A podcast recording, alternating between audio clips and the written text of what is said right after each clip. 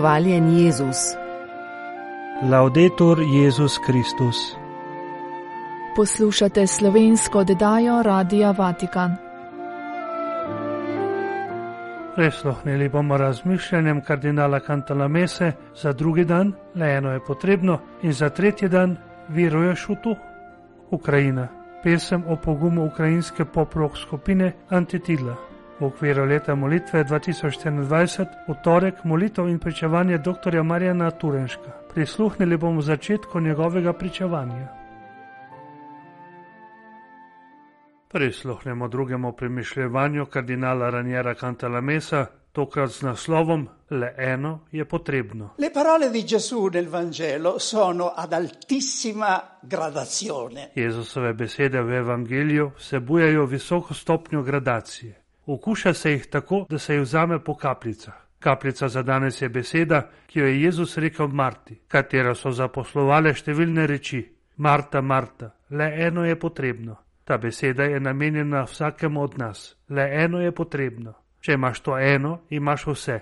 Če tega nimaš, nimaš nič. Kaj je to le eno potrebno? Ti hočem povedati preko velikega filozofa in vernika 19. stoletja, Srna Kierkegaarda, da ne bi kdo mislil, da to govorimo le mi pridigarji.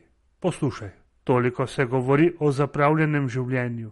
Toda zapravljeno je samo življenje tistega moškega in jaz dodajam tiste ženske, ki ga je pustil tako minevati, prevaren zaradi užitkov življenja in njegovi zaskrbljenosti, da se nikoli ni zavedal, da obstaja Bog in da je on, prav on, bil pred tem Bogom. Kaj je to le eno potrebno, je Jezus že prej povedal z dvema prilikama. Gre za skrit zaklad, zaradi katerega je vredno prodati vse, in za dragoceni biser, za katerega, da bi ga imel, velja dati vse druge bisere. Le eno potrebno je Božje kraljestvo, torej Bog. Dio. Kratko premišljevanje kardinala Cantalamese za tretji dan nosi naslov: Veruješ v to? La parola da masticare oggi è la domanda che Gesù rivolse alla sorella di Lazzaro davanti alla tomba del fratello morto. Beseda za današnje prežvekovanje je vprašanje, ki ga je Jezus naslovil Lazarevi sestri pred grobom mrtvega brata. Veruješ v to? Za trenutek pusti ob strani vse to, kar si se naučil na pamet iz katekizma in ponavljaš v veri. Stopi v tisto skrivnostno področje, kjer ni drugega kot leti in Bog. Vprašaj se, verujemo to? Sem kdaj resnično verjel, osebno in ne s posredovanjem nekoga, morda celo vesolne cerkve. Svete Pavel piše: Srcem namreč verujemo, z usti pa izpovedujemo vero. Moja izpoved vere prihaja resnično iz srca, Vera odpre nova obzorja. Edina je sposobna dati odgovore na večna vprašanja moškega in ženske. Kdo sem, odkot prihajam, kam grem? Elektronska doba nam ponuja še neznano podobo vere, povezanost z omrežjem. Odpri Googlovo stran in si povezan. Ves virtualni svet se odpre pred tabo. Nekaj podobnega dosežemo z vero. Brez kablov, brez stroškov. Kratka molitev, preprost vzgib srca, pogled na Jezusovo podobo ki jo morda imaš na mizici in si povezan. Povezan, a ne z virtualnim svetom, temveč realnim. Gre za edinega resničnega, ker je večen. Saj je svet Boga. L'unico veramente reale perché eterno, perché è il mondo di Dio. Za vatikanske medije je ob drugi obletnici začetka vojne v Ukrajini spregovoril Taras Topolja, pevec in vodja priljubljene ukrajinske glasbene skupine Antitila, kar v ukrajinščini pomeni proti telesa. Pravi, da Ukrajina danes zveni kot glasovi vojakov, zveni kot upanje na zmago, kar je včasih zelo tragičen zvok. A najpomembnejše je, da glas Ukrajine odmeva po vsem svetu, da se njen boj sliši po vsem svetu. Ukrajinska pop-rock skupina Antitila je bila v Ukrajini zelo priljubljena že pred vojno, z napadom Rusije pred dvema letoma pa je petčlanska moška zasedba postala znana tudi izven meja. Svojo glasbo in pesmimi govorijo o zgodbah mnogih Ukrajincev, ki živijo sredi trpljenja, smrti in obupa, a se prav tako z upanjem in pogumom borijo za tisto, kar nosijo v srcu. 2. maja 2022 je skupina Antitila na svojem YouTube kanalu objavila video pesmi Two Step, ki jo je v angleščini in ukrajinščini posnela skupaj z britanskim pevcem Edom Širanom. V ukrajinskem besedilu pesmi pevec skupine Taras Topolja pripoveduje zgodbo o tem, kako se je za njegovo družino začela vojna. In to ni samo moja zgodba, povdari, to je zgodba milijonov Ukrajincev, katerih družine so bile zaradi grozljivih bombardiranj in vojne ločene, nekatere tudi zavedno. Leta 2023 je skupina Antitila nastopila na zaključnem večeru festivala italijanske popevke v Sanremu s pesmijo Utrdba Bakmut, ki govori o eni najbolj krvavih bitk v Ukrajini. Močna čustva in občutke, ki jih vzbuja pesem, je pet članov skupine doživelo osebno, ko so od februarja do avgusta 2022 kot zdravstveno osebje služili na fronti. Na to jih je poveljstvo poklicalo nazaj v zaledje, vendar so še vedno podpirali svoj bataljon. Odločitev, da se skupaj z drugimi člani antitile pridružimo silam teritorijalne obrambe, je bila sprejeta že pred obsežno invazijo, pravi Taras Topolja. Ko smo vstopili, nismo izbrali, kakšno službo bomo opravljali, Preprosto smo mislili, da bomo v primeru invazije branili državo, kot morajo to storiti državljani svoje države. Ko pa se je začela invazija, so nam ob vstopu v bataljon dodelili funkcijo reševalcev, saj smo že imeli nekaj izkušenj iz leta 2014, ko smo kot prostovoljci enotam priskrbeli številne medicinske pripomočke. Poleg funkcije bataljonskih reševalcev smo z drugimi glasbeniki pomagali pri oskrbi in učili vojake, kako uporabljati zdravila v kompletih prve pomoči. Na vprašanje, zakaj so se tako odločili, pevec odgovori z drugim vprašanjem: ali bi lahko storili kako drugače? Zagotovo ne, saj bi bila naša dejanja v popolnem nasprotju s tem, kar pojemo, in v nasprotju z našimi prepričanji. Ko pridejo težave, se moraš braniti, moraš pomagati državi, ki ti je dala priložnost, da poješ, priložnost, da rasteš in se razvijaš, državi, v kateri si se rodil, ne da bi jo izbral. Zato moraš biti tam in nekaj storiti, zlasti, ko je država v kritičnem položaju in potrebuje tvojo pomoč. In še nekaj, takrat je bilo jasno, da s pesmimi ne moreš zmagati v vojni, ne moreš ustaviti invazije. Seveda pesmi pomagajo, dvignejo duha, z njimi je lažje prebroditi vsa ta občutenja, vendar pesmi ne ustavijo strojnice ali artilerije, ne rešijo življenje ranjencev na bojišču. Zato je bila v tistem trenutku to edina možna odločitev, pojasni Taras. Odločitev, da gredo na fronto in branijo svoj narod, so sprejeli tudi številni drugi ukrajinski pevci, režiserji, umetniki, pisatelji in plesalci, nekateri so žal izgubili življenje. Mnogi drugi pa si po svojih najboljših močeh prizadevajo pomagati zbiranjem sredstev v tujini in doma, pomagajo pri evakuaciji ljudi z najbolj prizadetih območij in nudijo pomoč razseljenim osebam. Vsi ti ljudje, tudi ko so na fronti ali v zaledju, še naprej ustvarjajo kulturo in umetnost s pisanjem besedil, izdajanjem knjig in prejemanjem nagrad na različnih festivalih. Spremembe v obliki in vsebini njihovih del pa so zelo očitne. Rusi so ukrajinizirali kulturni prostor naše države, z nekaj ironije ugotavlja Taras Topolja in se pri tem sklicuje na dejstvo, da je po vojni agresiji 24. februarja 2022 v Ukrajini nastala nekakšna naravna blokada velike količine vsebin v ruskem jeziku. Ljudje so začeli mnogo bolj posegati po vsebinah v ukrajinščini in posledično so ukrajinski umetniki začeli ustvarjati veliko več pesmi in videospotov v ukrajinščini sprememba se ne nanaša le na jezik. Če govorimo o razpoloženju, očitno prevladuje dramatičnost, ugotavlja Taras. Svet kulture odraža vse, kar se dogaja ljudem in to počne z melodijami in besedili, ki so večinoma dramatična in v molovskem tonovskem načinu, kar ustreza splošnemu razpoloženju tega boja, dejstvu, da veliko Ukrajincev umira, da so ranjeni in da številne družine ločujejo meje in velike razdalje, Pesmi olajšajo premagovanje tako velike tragedije, kot je vojna. Zavedanje, da morajo kljub vsemu nadaljevati z ustvarjanjem, je skupino Antitilo spodbudilo, da so se držali načrta predstavitve novega albuma MLNL, ki so ga pripravljali več mesecev. Predstavili so ga drugi dan ruske invazije iz kleti, kjer je bil nameščen njihov bataljon.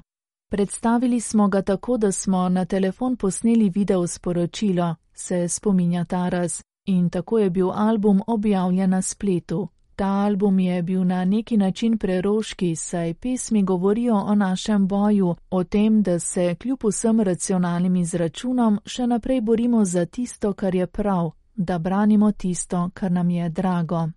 Ena od pesmi po njegovih besedah še posebej odraža njihovo odločnost. Pesem z naslovom Moj ima v tem kontekstu širši pomen. Govori o tem, kaj nosim v srcu, kaj mi je ljubo. Refren pravi: Moje, moje, svojimi zobmi ga bom iztrgal hijenam.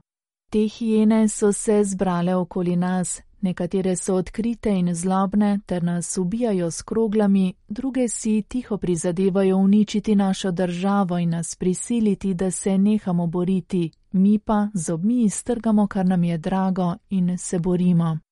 Vojna, ki prinaša smrt in zlo, pogosto ne rani le telesa, ampak tudi dušo.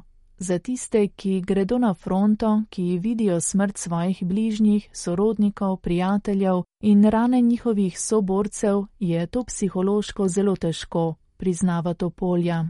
Med služenjem smo žal tudi mi videli marsikaj in vse to nam seveda ostaja v spominu in občutkih, toda, kot je vedno govorila moja mama, moramo delovati iz nasprotne strani in misliti, kaj pa če. Če se pustimo ujeti v ta čustva, se jim udamo, obupamo in se razjezimo, tako da ne moremo dobro opraviti tistega, kar moramo v določenem trenutku, potem smo preprosto izgubili. Zato moramo obvladati svoje čustva, občutke, stisniti zobe in narediti, kar moramo narediti, ne glede na to, kako težko je. Na vprašanje, kako bi opisal današnji zvok Ukrajine, pevec skupine Antitila odgovarja, da je to predvsem zvok glasov vojakov, njihovih želja in razlogov. To je zvok upanja na zmago, to je težak, včasih tragičen zvok. Najpomembnejše pa je, da Ukrajina še vedno obstaja, da njen glas odmeva po vsem svetu, da se njen boj sliši po vsem svetu. Taras Topolja ima v svoji državi veliko oboževalcev in to ne le zaradi svojih glasbenih talentov, temveč tudi zaradi osebne integritete. Ko govori o vrednotah, ki bi jih rad prenesel na svoje tri otroke, omeni le eno: vest, iz katere po njegovem mnenju izhaja vse drugo. Človek mora imeti vest in se zauzemati za prepričanja, ki se mu zdijo prava, izpostavi kajti nizkost, strah, izdajstvo, vse te lasnosti so v večji ali manjši meri lasne vsakemu človeku, a preživile tisti, ki se zmore boriti za svoja prepričanja in mu uspe na dosebno korist postaviti skupno dobro. Od torek 20. februarja je v stolni cerkvi svetega Janeza Krasnika v Mariboru potekala v okviru leta molitve 2024 molitev in pričevanje upokojnega načkofa dr. Marjana Turenška z naslovom Gospod nauči nas molitvi. Prisluhnemo začetku njegove meditacije. Pravzaprav bi morali tako reči, ne tako, kot je Descartes rekel, da je za človeka bistveno, da misli, mislim, torej sem, ampak adoriram, torej sem. Kajti človek je ustvarjen zato, da časti in slavi Boga in na ta način omogoči Bogu, da ga odreši. Vse ostalo pa je drugotno, tako pride potem ob tem. Torej, molim ali pa adoriram, častim naj gospoda, torej sem. Upam, da bomo nekaj tega uspeli nocoj narediti. Najprej pa eh, nekaj misli o molitvenih držah. Molitvene drže ali, morajo biti takšne, da nam pri molitvi pomagajo. To je prvo pravilo. Vse, pravzaprav, kar je vključeno v molitev, mora biti tako usmerjeno, da mi pomaga pripraviti srce, mojo notranjost, mene samega celoto, zato da sem lahko v živo z Bogom. In moje telo je pomemben del mene. Zato je prav, da tudi telo moli. In telesne drže pri molitvi imajo torej ta pomen da mi pomagajo moliti oziroma da tudi molim s telesom. Kaj ti telo je zelo pomemben dejavnik v molitvi, ker nam pripomore, da lahko molimo ali pa nas ovira, da lahko molimo ali ne moremo moliti. Drža naj bo torej takšna, da bo podpirala moljivca pri najprej morda daljšem vztrajanju v miru in zbranosti. Če sem se odločil, da bom pol ure molil, potem naj mi drža pomaga, da bom to lahko zdržal. Da ne bom vsakih pet minut se nekako presedal ali, ali iskal neko uh, držo, ker me ta uvira, pravzaprav me moti pri molitvi. Teleso naj omogoča drža sproščenost in vsaj neko relativno dolgo ustrajanje v izbranem položaju.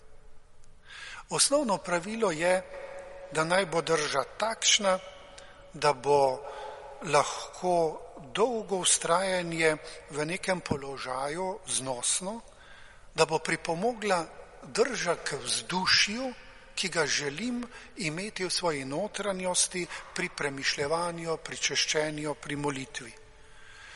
Vemo, da nam telo pomaga doživljati stvari. Pravzaprav človek ne more ničesar doživljati brez telesa. Zato še enkrat ponavljam, drža pri molitvi je izredno pomembna.